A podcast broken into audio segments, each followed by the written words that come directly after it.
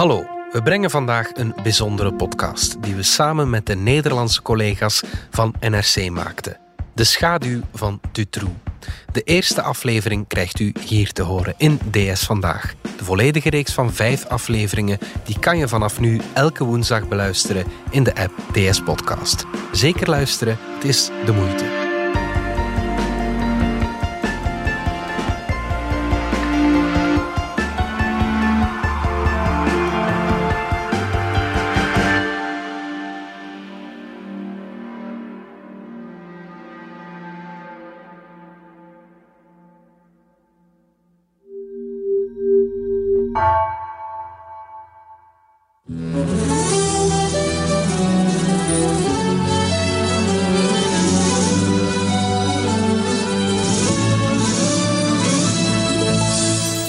Bij deze extra nieuwsuitzending. Dit is de dag van de Witte Mars, de Stille Mars door Brussel. In de hoofdstad worden vandaag tienduizenden mannen, vrouwen en kinderen verwacht die willen deelnemen aan de uitzonderlijke manifestatie voor de rechten van het kind. De mars is een initiatief van verschillende ouders van vermiste, ontvoerde of vermoorde kinderen. De optocht zal door de grote lanen van het centrum van Brussel trekken. Hij vertrekt om twee uur aan het Noordstation. 25 jaar geleden vindt in België een van de grootste betogingen ooit plaats. De mensen dragen witte kleren, witte sjaals, witte petten. Ze hebben witte bloemen bij zich. Het is oktober 1996. En het land is in shock na een reeks gruwelijke kinderverdwijningen. Deels met fatale afloop. Ik vind het heel belangrijk om uh, voor onze kinderen te betogen. Wij zijn er echt heel bezorgd voor. Uh, ik vind dat dit uh, zich zeker niet mag herhalen. Ik hoop dat dit helpt. Vier meisjes overleven de ontvoeringen door Marc Dutroux niet. Hun namen? Julie, Melissa, Anne en Eefje. Eefje, we hebben vreugde beleefd samen met jou. Je hebt blijde dagen gekend. Je hebt gelachen. Je was gelukkig. Slachtoffer Sabine zit 2,5 maand vast voordat zij en slachtoffer Letitia uit de kelder van diezelfde Marc Dutroux bevrijd worden. Hun verhalen over de ontvoering leiden tot wereldwijde afschuw en woede. Ook de straten rondom de voetpaden staan vol van het volk met witte ballonnen, met witte lakens en zo. Het wordt dus waarschijnlijk een massa volk. Het zal aanschuiven worden. Voor de Belgische bevolking is dit onbegrijpelijk. Waar zijn politie en justitie op dit moment? Waarom hebben zij de meisjes niet op tijd gevonden? Het gerecht dat trekt op niks. Er is geen gerecht in België. Ik betoog tegen de teleurgang van ons rechtssysteem. De maat is vol. 300.000 Belgen lopen mee in de Witte Mars en eisen verandering van justitie en politie. Vijfentwintig jaar geleden was ik, Gabrielle Ader, negen jaar oud. Ik ben Anouk van Kampen en ik was toen zeven jaar. Ook al waren we jong en woonden we in Nederland, Allebei herinneren we ons de zaak nog als de dag van gisteren. De angst voor de meest gruwelijke man van België was namelijk ook naar ons land overgewaaid. En dat maakte indruk op ons, jonge meisjes. Ik was daarna altijd bang om kinderlokkers tegen te komen als ik buiten ging spelen. Ik weet nog goed dat ik in die periode een dagje naar Antwerpen ging. En dat ik bang was als ik voorbij een kelder in de straat liep. Gabriella en ik trokken allebei zo'n vijf jaar geleden voor ons werk naar Brussel. Gabriella als justitiejournalist en ik als correspondent voor NRC. 25 jaar na de Witte Mars is Dutroux in België niet meer een onderwerp dat constant in gesprekken wordt aangehaald of dagelijks voorbij komt als je hier woont. En toch dook de zaak regelmatig op. Soms viel tijdens een avond op café wel eens een grap over dat we moesten oppassen voor kelders in België. Een grap die als Nederlander trouwens beter niet kan maken. Maar vaak was het ook serieuzer, als Marc Dutroux weer eens in de media kwam omdat hij probeerde vrij te komen, zagen we de woede oplaaien in talkshows. Tijdens werklunches of etentjes vertelden vrienden, geliefden en collega's ons wel eens hoeveel indruk de zaak Dutroux op ze had gemaakt. Ze wisten nog precies waar ze waren tijdens de Witte Mars of tijdens de ontsnapping van Dutroux een paar jaar later. Eigenlijk zoals wij dat hadden bij de aanslag op de Twin Towers of tijdens de moord op politicus Pim Fortuyn. De zaak Dutroux was een gruwelijke moordzaak waar kinderen het slachtoffer van werden. En daarnaast ontwrichtte de zaak de Belgische samenleving volledig. Er was een voor- en een na Dutroux. En de sporen van de zaak zijn 25 jaar later op alle vlakken in de Belgische samenleving en soms zelfs daarbuiten nog voelbaar. Bij politie en justitie, in de media, bij bezorgde ouders en bij hun kinderen. Dutroux werd een nationaal trauma, symbool voor een falend België. Een trauma dat nog altijd niet helemaal verwerkt is. 25 jaar na de Witte Mars gaan we op zoek naar de sporen die de zaak achterliet. En proberen we vat te krijgen op wat de zaak precies betekende en nog altijd betekent. In België, maar ook daarbuiten. We beginnen bij het begin. In deze aflevering zoeken we uit wat er veranderde voor de generatie die toen opgroeide, zoals wij zelf.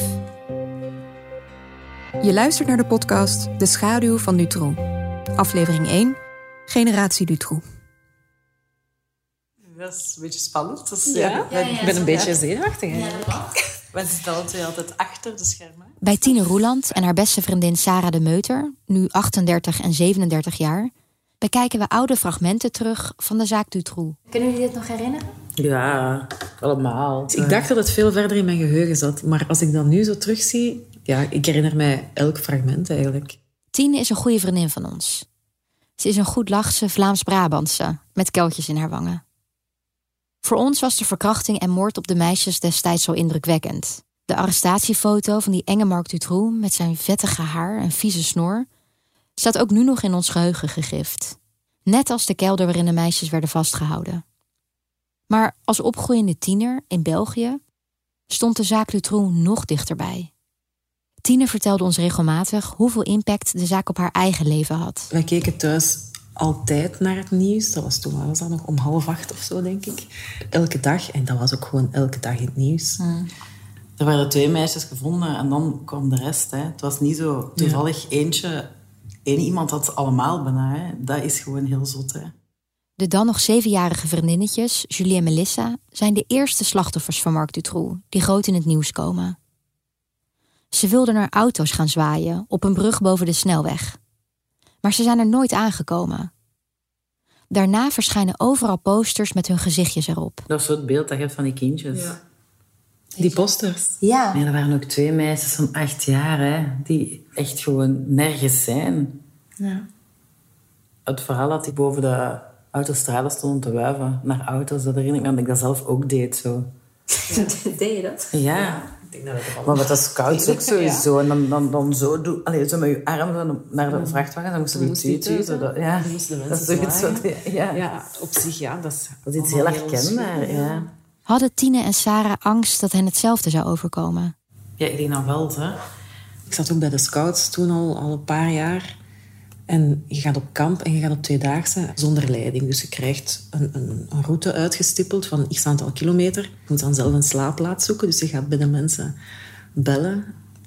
Misschien dat je zo soms wel vaker een keer erbij stilstond van oei, We bekijken beelden van de kelder waar slachtoffers Sabine en Letitia gevonden werden. Dutroux had de deur vakkundig verstopt.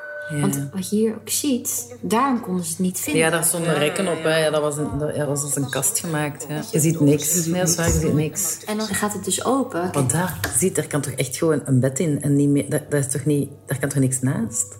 Ik kan me herinneren dat er dus plankjes waren gemaakt. Ja. Sabine Dardenne, die 2,5 maand vastzat, schreef een boek over haar tijd in de kelder van Dutroux. Ik herinner me dat die, dat, dat die Sabine omschreef dat dat was. En dat daar een soort stapelbed in stond. Dat er blikken voeding waren. En je- beeldt je dat, als je dat leest, in als een klein kamertje. Maar dat is gewoon een hol, hè. Ook wij lazen het boek toen we jong waren. Om een of andere reden had ik het van mijn ouders gekregen, direct toen het uitkwam. Mijn zussen en ik lazen het alle drie vlak na elkaar. En we vonden het vooral indrukwekkend hoe Sabine beschreef dat ze van haar fiets werd getrokken. Zelfs wij in Rotterdam waren bang dat ons hetzelfde zou overkomen. We lezen fragmenten uit haar boek voor. Mijn naam is Sabine. Ik woonde in een dorpje in België toen ik op mijn twaalfde verdween. Ik fietste op mijn gemak richting school toen de zon nog maar net op was. Ik had genoeg tijd om te horen hoe het naast mij kwam rijden, dat verschrikkelijke busje, en even later om het te zien. De zijdeur was opengeschoven, er hing een man uit en de andere reed. Ik voelde hoe ik in een fractie van een seconde van mijn fiets werd getrokken. Ik werd domweg uit de lucht geplukt, met een hand tegen mijn mond gedrukt en de andere over mijn ogen. Het was op een dinsdag, 28 mei 1996.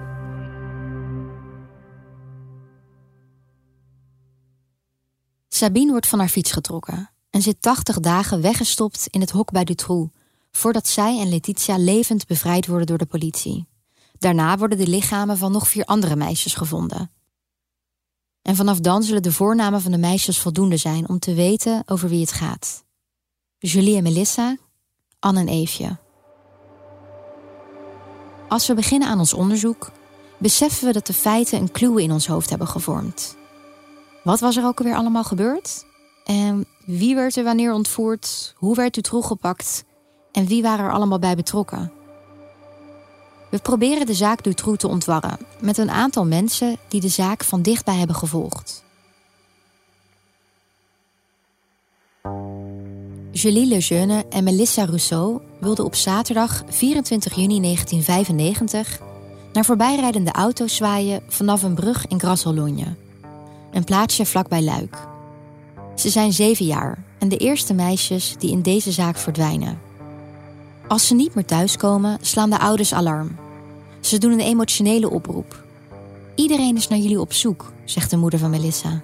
Melissa, ta maman, ton papa, ton frère, toute la famille, tous nos amis ne font plus qu'une seule chose depuis que tu es partie: te chercher. De zaak belandt bij de Rijkswacht. Dat is de Belgische versie van de marechaussee. Rijkswachter Guido van Riller, die destijds bij de zaak betrokken was, vertelt... De zaak werd ernstig genomen. Er waren 500 tips die moesten onderzocht worden. Geen getuigen. Efforts. Ook, ook in het buitenland uh, werd dat verspreid allemaal. Intussen worden de meisjes dan al vastgehouden en misbruikt door Marc Dutroux. In de kelder van zijn huis heeft hij een krappe cel gebouwd waarin hij ze gevangen houdt. Ze zijn bijna 90 kilometer van huis, in Marcinelle, een deelgemeente van Charleroi. Deze industriestad in Wallonië is sinds de teloorgang van de staalindustrie verarmd en heeft op dat moment geen beste reputatie. Advocaat Jan Vermon, al jaren de advocaat van de ontvoerde Letitia Delay, legt uit in wat voor milieus Marc Dutroux zich in die tijd begeeft. De situatie in Charleroi was een echt mafieuze situatie, maar waarbij alles draaide rond autohandel. Marc Dutroux zat midden in die autoswendel. Al wat hij deed, hij kocht wrakken op. Hij haalde uit die wrakken alle uh, serienummers. En die werden in andere auto's, in, in nieuwe auto's gelast. Hè? Dus je koopt een voertuig op dat een ongeval heeft gehad, dat tot los is. Je haalt daar al de serienummers uit. Uh, je steelt een andere auto van hetzelfde type. Hm? Je haalt daar de serienummers uit. Je last daar de serienummers in van het voertuig dat tot los is. En je hebt een nieuwe auto. Dutroux wordt uiteindelijk opgepakt wegens een incident tijdens het gesjoemel met auto's. In december 1995 belandt hij voor drie maanden in de cel. Julie en Melissa waren op dat moment opgesloten in zijn kelder. Dutroux vraagt zijn vrouw Michel Martin, die weet van de ontvoerde meisjes, om ze ondertussen eten en drinken te geven. En dus Martin vertelt een verhaal dat zij één keer in die kelder geweest is. Dat zij één keer het mechanisme van die deur heeft uh, proberen te, in gang te zetten. Dat die deur dan uit de hengsels gevallen is en dat ze ze dan niet meer verplaatst krijgt. En dat ze dan meisjes heeft gehoord en schrik heeft gehad en weggelopen is. Als Dutroux na drie maanden weer thuiskomt, hebben de meisjes acht maanden in zijn kelder gezeten. Ze zijn uitgehongerd en uitgedroogd. Ze overleven het niet en hij begraaft ze in de tuin van een van zijn huizen. Een paar maanden na de ontvoering van Julie en Melissa zijn Anne Marchal en Eefje Lamprechts, van 17 en 19 jaar oud, met hun vriendengroepje op vakantie aan de Belgische kust. In Blankenbergen wonen ze een goochelshow bij van Rasti Rostelli. Ze mogen het podium opkomen en worden zelfs even onder hypnose gebracht. Waarschijnlijk hebben ze een laatste deel van een terugrit naar hun vakantiehuis willen liften. Als ze de dag erna nog steeds niet terug bij hun vrienden zijn, slaan die alarm. Het gerecht houdt alle opties open, maar heeft geen aanwijzingen dat het zo'n onrustwekkende verdwijning betreft als sommigen doen geloven. Eefje en Anne zijn geen kinderen, 19 en bijna 18. Op die leeftijd verdwijnen in ons land elk jaar honderden jongeren. Meer dan 99 procent van hen duikt weer op. Er zijn van Eefje en Anne wel al affiches uitgehangen. In het station van Blankenberge hangen ze naast die van Julie en Melissa, van wie de kans veel kleiner lijkt dat ze nog ooit ongedeerd worden gevonden. Anne en Eefje zijn dan al door Dutroux en zijn handlanger Michel Lelièvre gedrogeerd en meegenomen naar het huis van Dutroux, aan de andere kant van het land. Niemand heeft enig idee dat de verdwijningen iets met elkaar te maken hebben. Maar de vier meisjes bevinden zich vanaf dan in hetzelfde huis. Julie en Melissa, dan nog niet overleden, zitten namelijk beneden in de kelder. Anne en Eefje zitten helemaal boven in het huis. Niet veel later worden Anne en Eefje, die tevergeefs uit het huis van Dutroux probeerden te ontsnappen, omgebracht en begraven onder een schroothoop. Wanneer en hoe ze precies zijn omgekomen is nooit duidelijk geworden. Een paar maanden na de dood van Julie en Melissa fietste 12-jarige Sabine Darden uit Doornik ochtends vroeg naar school. Razendsnel wordt ze van haar fiets getrokken en in een witte bestelbus gesleept. Net als haar voorgangers verdwijnt ze ver van huis in Dutroux kelder. Ook zij wordt misbruikt. Un m'attrape, l'autre prend le vélo et, et mes sacs, mon sac de piscine, mon sac de sport, tout, tout. tout. On sait pas qu'est-ce qui se passe. On panique, on a peur.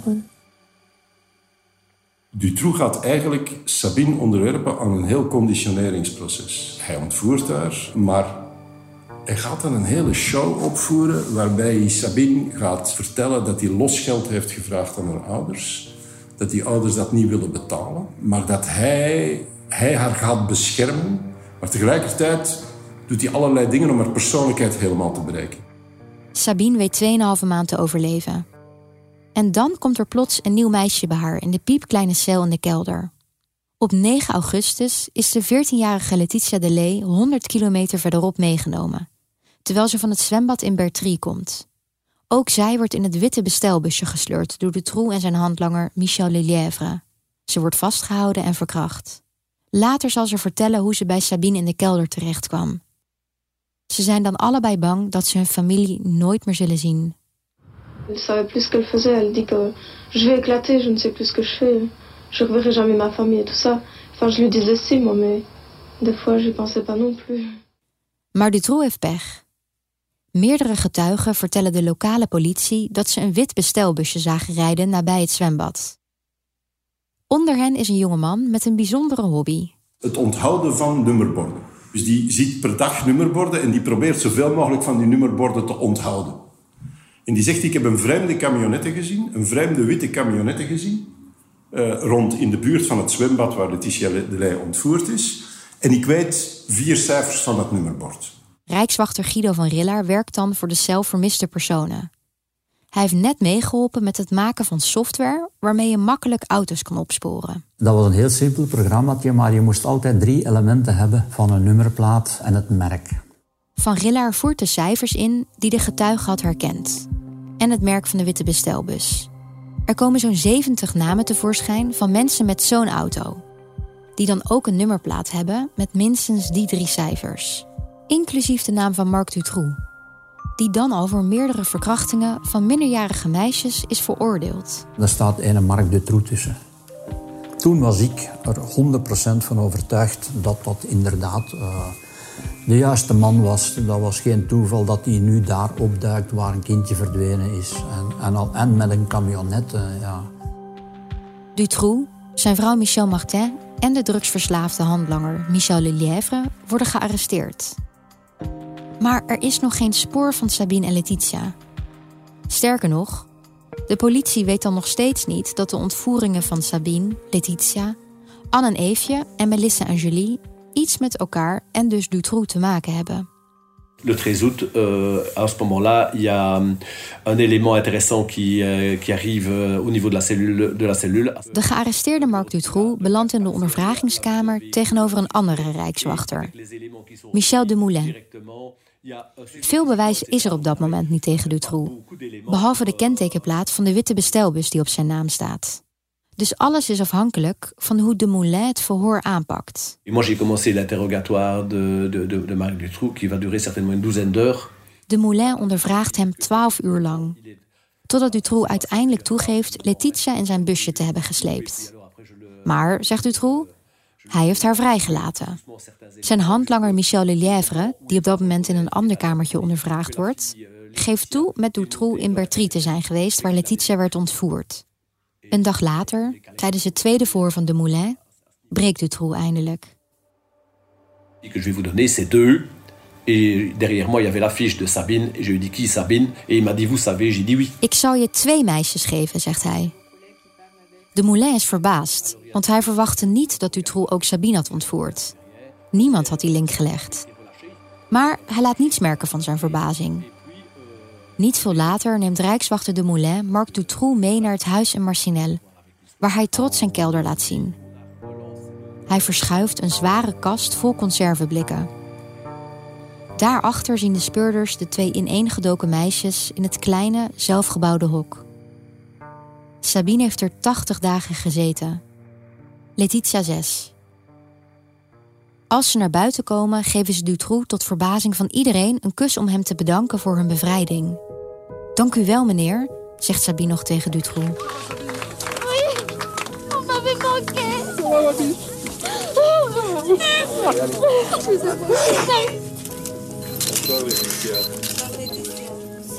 Na de bevrijding van Sabine en Letitia zijn de Belgen uitgelaten over de teruggevonden meisjes.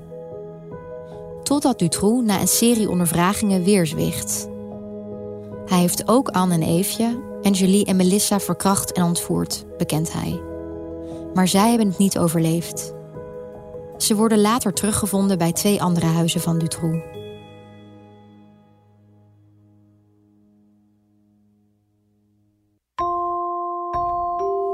Ik had buikpijn van de angst. Erger dan voor een proefwerk. Echte angst. Het soort angst waarbij je in je broek lijkt te plassen. Zo erg dat je de controle over je lichaam kwijt bent. Ik weet niet of ze er iets van hebben gemerkt en waarschijnlijk kon het hun ook echt niks schelen. Maar ik had het gevoel van glas te zijn. Totaal verstijfd. Alsof ik ieder moment in tweeën zou kunnen breken. Het is niet zo dat je 's ochtends onderweg naar school bedenkt dat je wel eens van je fiets getrokken wordt door een kidnapper in een bestelwagen.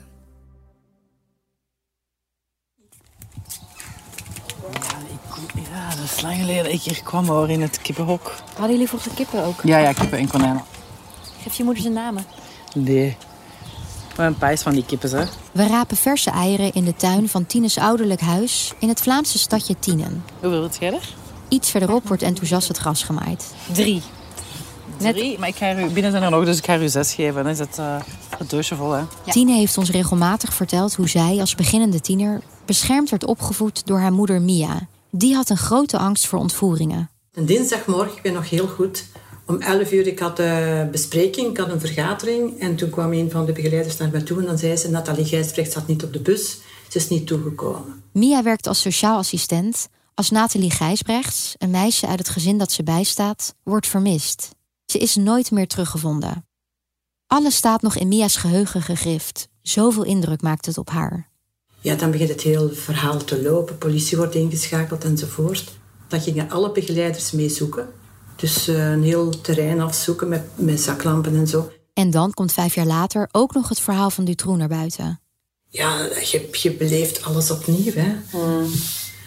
En dan, ja, Tine werd groter en zo. En die mocht dus van mij niet met een bus naar, uh, naar Tine, naar de school.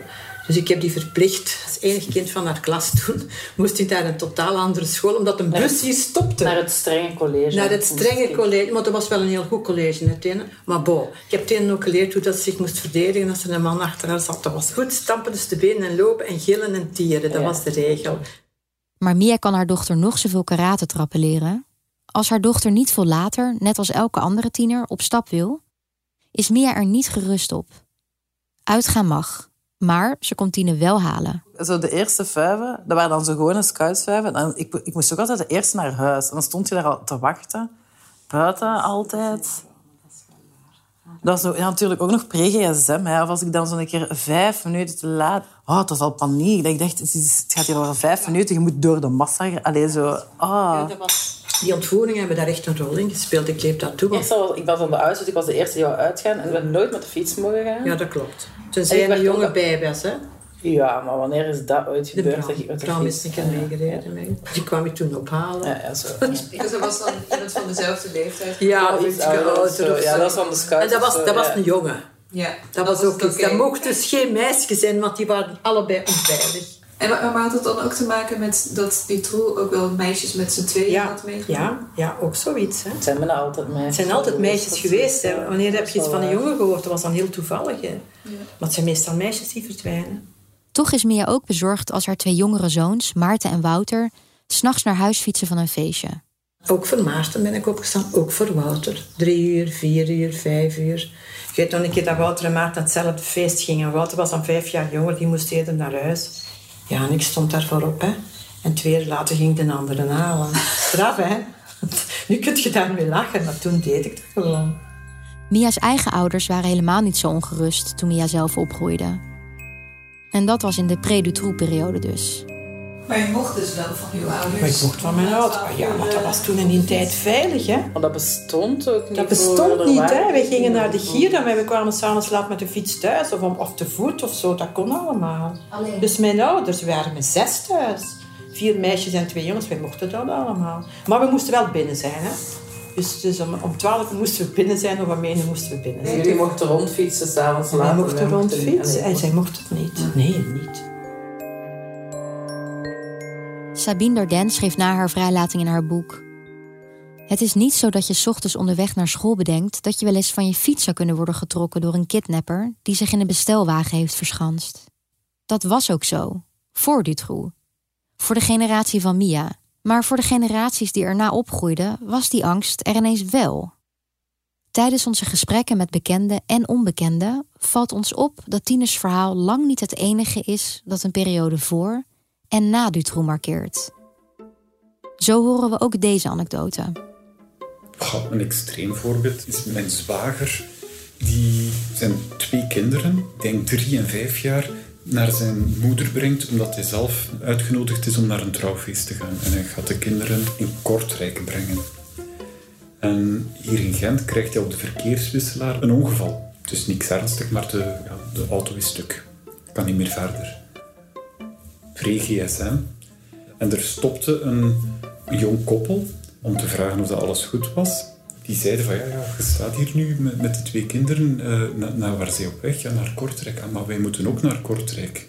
Anders nemen wij de kinderen mee. En zetten wij ze af bij uw moeder, terwijl jij wacht op de takeldienst en zo verder. En Luc antwoordt, ja, zonder eigenlijk na te denken. Maar ja, oké, dat is goed. En ja, de- de kinderen zijn in de, de andere wagen gestapt, met mensen die ze niet kenden. En fond was dat relatief normaal. Ik bedoel, hij werd daar niet op aangekeken dat hij twee kinderen van drie en vijf had afgegeven aan, aan iemand die hij eigenlijk niet kende. Het was goed afgelopen en zo ook natuurlijk. Maar het loutere feit van dat te doen, ja oké, ja, ja, goed opgelost. Op dat ogenblik, pre-Dutroux, dat was anders. En nu, met enige overdrijving, want men ontzet u uit het ouderlijk gezag wanneer dat je dat zou doen. We hebben ervaringen en verhalen van mensen om ons heen gehoord die over een voelbare verandering vertelden. Maar als we eens uitzoomen. Hoe breed was de maatschappelijke impact van de Dutroux-affaire op generaties van toen en erna? Dat bespreken we met Dirk de Wachter. Dat is toen was dat echt wel de, eh, eh, ja, een, een, hoe zou- zal ik zeggen, een maatschappelijk traumatisch gegeven. Dat was zeker zo. Het feit dat u hier zit met die vraag bewijst dat ook. Hè? Dirk de Wachter is psychiater. Hij koppelt problematiek die hij tegenkomt op de divan in zijn praktijk aan ontwikkelingen en trends in de samenleving. De Wachter omschrijft wat de zaak Dutroux voor reacties teweegbracht. Toen in der tijd, ik weet dat nog goed, die Dutroux-affaire met kinderen die opgesloten werden gedurende maanden, die, die gestorven zijn. Ook wel heel begrijpelijk dat dat een publieke opinie echt zwaar emotioneert. Mijzelf inbegrepen. Hè? Ik was ook de vader van kinderen, dus het, het raakt u ook in uw, in uw eigen bestaan. Ik heb heel veel telefoons gekregen toen, ik weet nog echt heel goed, van mensen die mij belden en die zegden van ja, dokter, eh, bij mij in de straat woont zo'n beetje een rare man en die komt vaak met de fiets voorbij gefietst en dan kijkt hij zo naar mijn kinderen. En het is nu niet voor het een of het ander, maar eigenlijk heb ik heel mooie kinderen. Wat denkt u daarvan? En moeten we daar nu maatregelen? Moet ik dat nu aangeven? Enzovoort. Echt heel veel telefoons in die tijd. Hè? Die emoties die dan, die dan irrationeel worden. En wat zegt u dan? Dan heb ik altijd geprobeerd om uh, rust te brengen, begrip te tonen bedoel ik. Hè. Uh, maar toch te zeggen van, ja maar kijk, uh, fietsende mannen, zolang ze op de fiets zitten, kan het echt geen kwaad. Dutroux is echt een zeer uitzonderlijk gegeven. Die fietste niet voorbij, enzovoort. Dus ik heb dat altijd proberen wat tot rust te brengen. Het had onmiskenbaar invloed op de opvoeding, zegt de wachter. Ja, dat denk ik wel. Dat denk ik wel. Kijk, dat heeft niet alleen met Dutroux te maken, nogmaals, dat is dan zo'n momentum waar een aantal zaken in geconcentreerd worden. Hè. Maar ik denk wel dat, om het een beetje karikaturaal te zeggen, de vrijheid van de 68 de post-68-sfeer, daar een stuk is teruggefloten. Waar de vrije liefde en de vrije opvoeding, soms bijna reactionair, een beweging gekomen van hé, hey, hé, hey, maar we moeten kinderen toch wel eh, begrenzen. En, en inderdaad, er gebeuren soms kwalijke dingen. En hè, dat heeft zeker en vast een effect gehad op de opvoeding. Dat denk ik wel, ja. De wachter heeft het hier vooral over de Belgische context.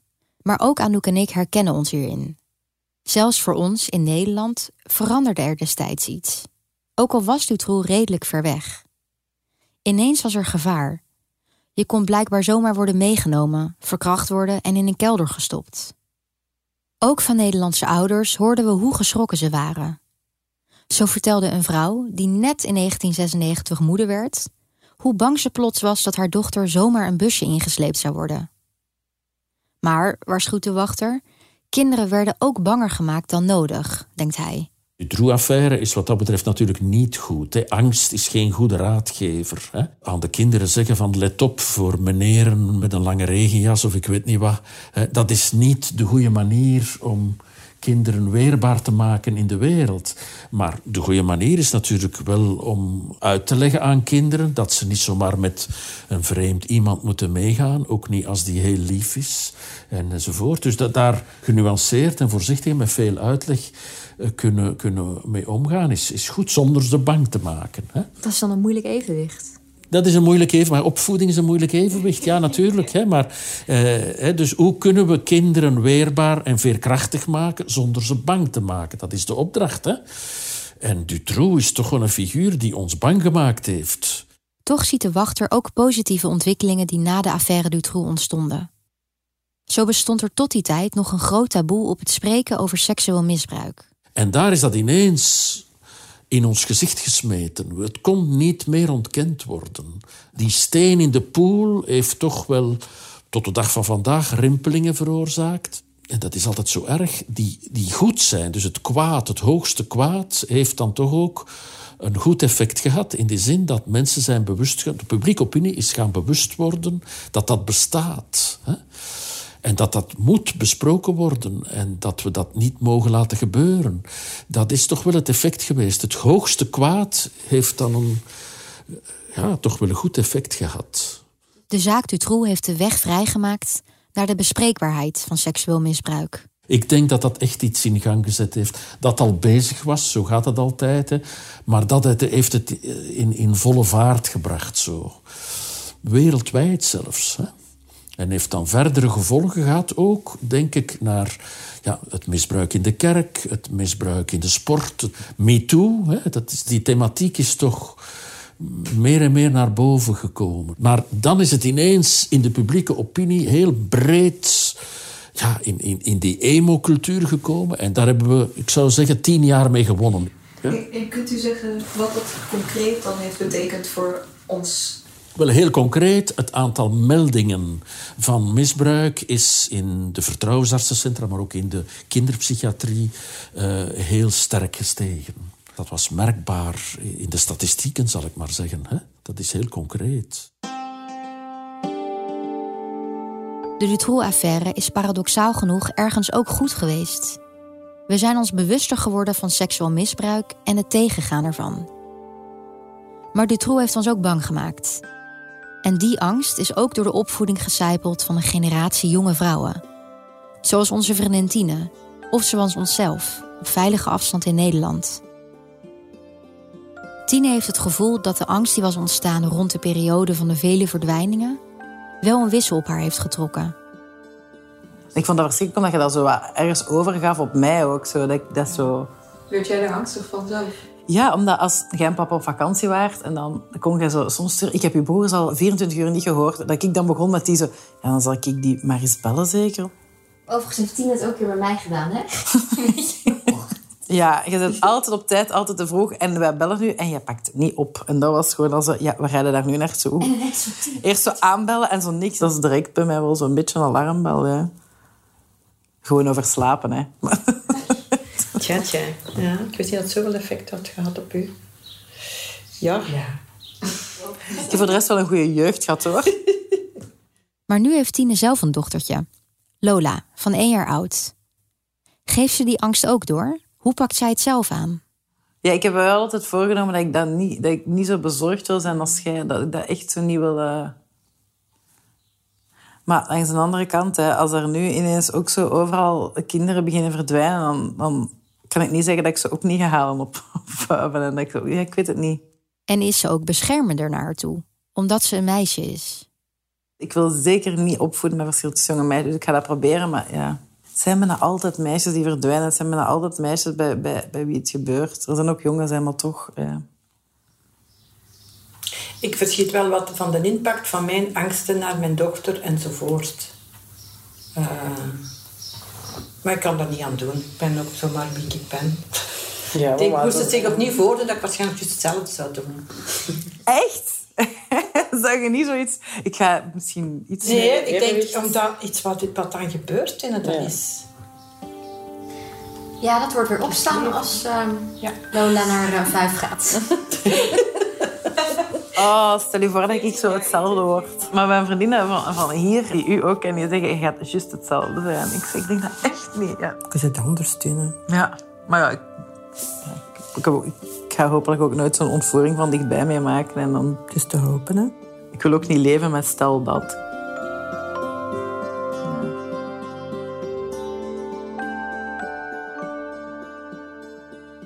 Na de affaire Dutroux was de angst voor nieuwe ontvoeringen groot bij de Belgen. Ja, we hebben de meest absurde preventieprojecten binnengekregen. Van mensen die zeiden van je moet een chip implanten in kinderen. En ik heb een twee meter hoge omheining om mijn huis geplaatst. Ja, er was een soort van massahysterie van nu moeten we onze kinderen echt opsluiten bij ons. En dus werd Child Focus opgericht. Een stichting voor vermiste en seksueel uitgebuite kinderen. Waar Heidi de Pauw nu directeur is. En dus toen de premier, toen, premier De Hane, ondertussen overleden, de belofte deed op de Witte Mars van we gaan zoiets oprichten naar voorbeeld van de National Center for Missing and Exploited Children in Washington, een belofte die hij maakte aan de ouders en de slachtoffers, ehm, dan heb ik een brief geschreven naar de premier en zeggende van ik wil, ik wil bij jullie werken, ik wil dat doen. De Pauw heeft nooit antwoord gekregen van de premier. Maar een paar weken na de start van Child Focus in 1998 ging ze er wel aan de slag als dossierbeheerder. Of case manager, zoals we nu zeggen. Hoe gaat zoiets in de praktijk? Wij hebben een uh, noodlijn, hè, dus 116 3 x 0, hè, waar 24 uur op 24 iedereen die met een verdwijning of seksuele uitbuiting te maken heeft terecht kan. Child Focus vormt een beetje de brug tussen enerzijds politie, justitie en dan de achterblijvers, de slachtoffers. En um, dat gaat in twee richtingen. Sommige ouders bijvoorbeeld durven niet altijd alle informatie meegeven aan politie. Denken ze van, oh, als ik zeg dat mijn zoon af en toe een joint, dan gaan ze misschien niet zoeken. Of gaan ze hem zien als. Of, dus, dus het is onze taak eigenlijk om te zorgen dat die informatie samenkomt bij de politie uiteraard. En dan gaan we kijken met politie, met de magistraat, van kijk, wat, wat, is er precies aan de hand? Hè? Is dit nu een ja, zeer onrustwekkende verdwijning of is het een wegloper met elementen die ook onrustwekkend kunnen zijn. Dus we, gaan een beetje beoordelen van waar uh, staan we voor. En wij zullen de ouders dan grotendeels op de hoogte brengen. Jaarlijks krijgt Child Focus zo'n 2000 zaken binnen. Een klein deel is criminele verdwijningen. De Pauw geeft het voorbeeld van de zaak Julie van Espen. Een jonge vrouw die twee jaar geleden in Antwerpen verdween... en later verkracht en vermoord teruggevonden werd. Daar is daar mama die ons s'nachts heeft gebeld. En waar wij dus uh, onmiddellijk met de politie hebben contact genomen. En daar was het absolute belangrijke, die affiches. Hè. Zo snel mogelijk, zoveel mogelijk. En dus vrienden en, en, en kennissen waren begonnen met zelf uh, foto te verspreiden. Op 500 vrijwilligers over gans België verspreid. Die bij dag, nacht, uh, goed weer, slecht weer, inderdaad kunnen uh, affiches verdelen. Bij Julie uh, hebben wij inderdaad ook um, ja, die ondersteuning gegeven. Child Focus wil dus informatie verzamelen en verspreiden bij een verdwijning, groot of klein. Niet iedereen was daar aanvankelijk blij mee. Ja, in tegenstelling tot wat de bevolking wou en de politiek, stond de politie en justitie niet te wachten. Hè. Die waren niet echt happig op die, wat heel vaak watchdog werd genoemd. Die nieuwe organisatie die eens even op hun terrein ging komen. Zij dachten van, wow, wat is dat hier? Wat komen die hier eigenlijk op ons terrein doen? Maar de belangrijkste vraag is natuurlijk... komen ontvoeringen nu minder voor in België? Ja, absoluut. Als we kijken naar uh, de onopgeloste zaken, er zijn er een aantal. Ja, meestal is dat van voor de zaak Dutroux. Maar ik heb het, het gevoel dat, dat wij echt in België, wat betreft verdwijningen, een zeer goed geoliede machine hebben, waardoor dit soort zaken, ik kan niet zeggen uitgesloten zijn, want dat weet je nooit. Hè. Je kan altijd... En we hebben nog criminele ontvoeringen gehad, hè. daar gaat het niet om, maar ze worden sneller opgelost. De zaak Dutroux had dus een paar positieve gevolgen voor de opgroeiende generaties daarna. Er kwam meer aandacht voor seksueel misbruik en, heel concreet, de oprichting van Child Focus, een organisatie die slachtoffers van misbruik en ontvoeringen beter helpt. In Nederland bestaat er niet zoiets in die vorm. De Belgische bevolking had behoefte aan een watchdog als Child Focus, die meekeek met politie en justitie. Waarom was er zo weinig vertrouwen in hen? Al die misère, dat is jaren zo bezig. De laatste tien jaar niet anders dan schandalen gekend en niks opgelost. Hè? We willen eindelijk recht in België, hè? geen onrecht meer. Hè? Hadden de ontvoeringen van Anne en Eefje, Julie en Melissa, Sabine en Letitia voorkomen kunnen worden door de politie? Zeker is wel dat als men onmiddellijk de krachten had ingezet, dan had deze begrafenis niet hoeven door te gaan. Wat is er misgegaan? En tot welke grote veranderingen leidde dit binnen de Belgische politie en justitie? Luister volgende week naar aflevering 2 van De Schaduw van Dutroux. Een podcast van NRC en de Standaard. Eindredactie Bart Dobbelaren, Ido Havinga en Anne Moraal. De muziek is van Arie Visser en de mixage werd verzorgd door Audiochef. De fragmenten uit het boek van Sabine Darden werden voorgelezen door Loes Lauwerijns. Tot slotte bijzondere dank aan Mark Eekhout voor zijn inhoudelijke hulp.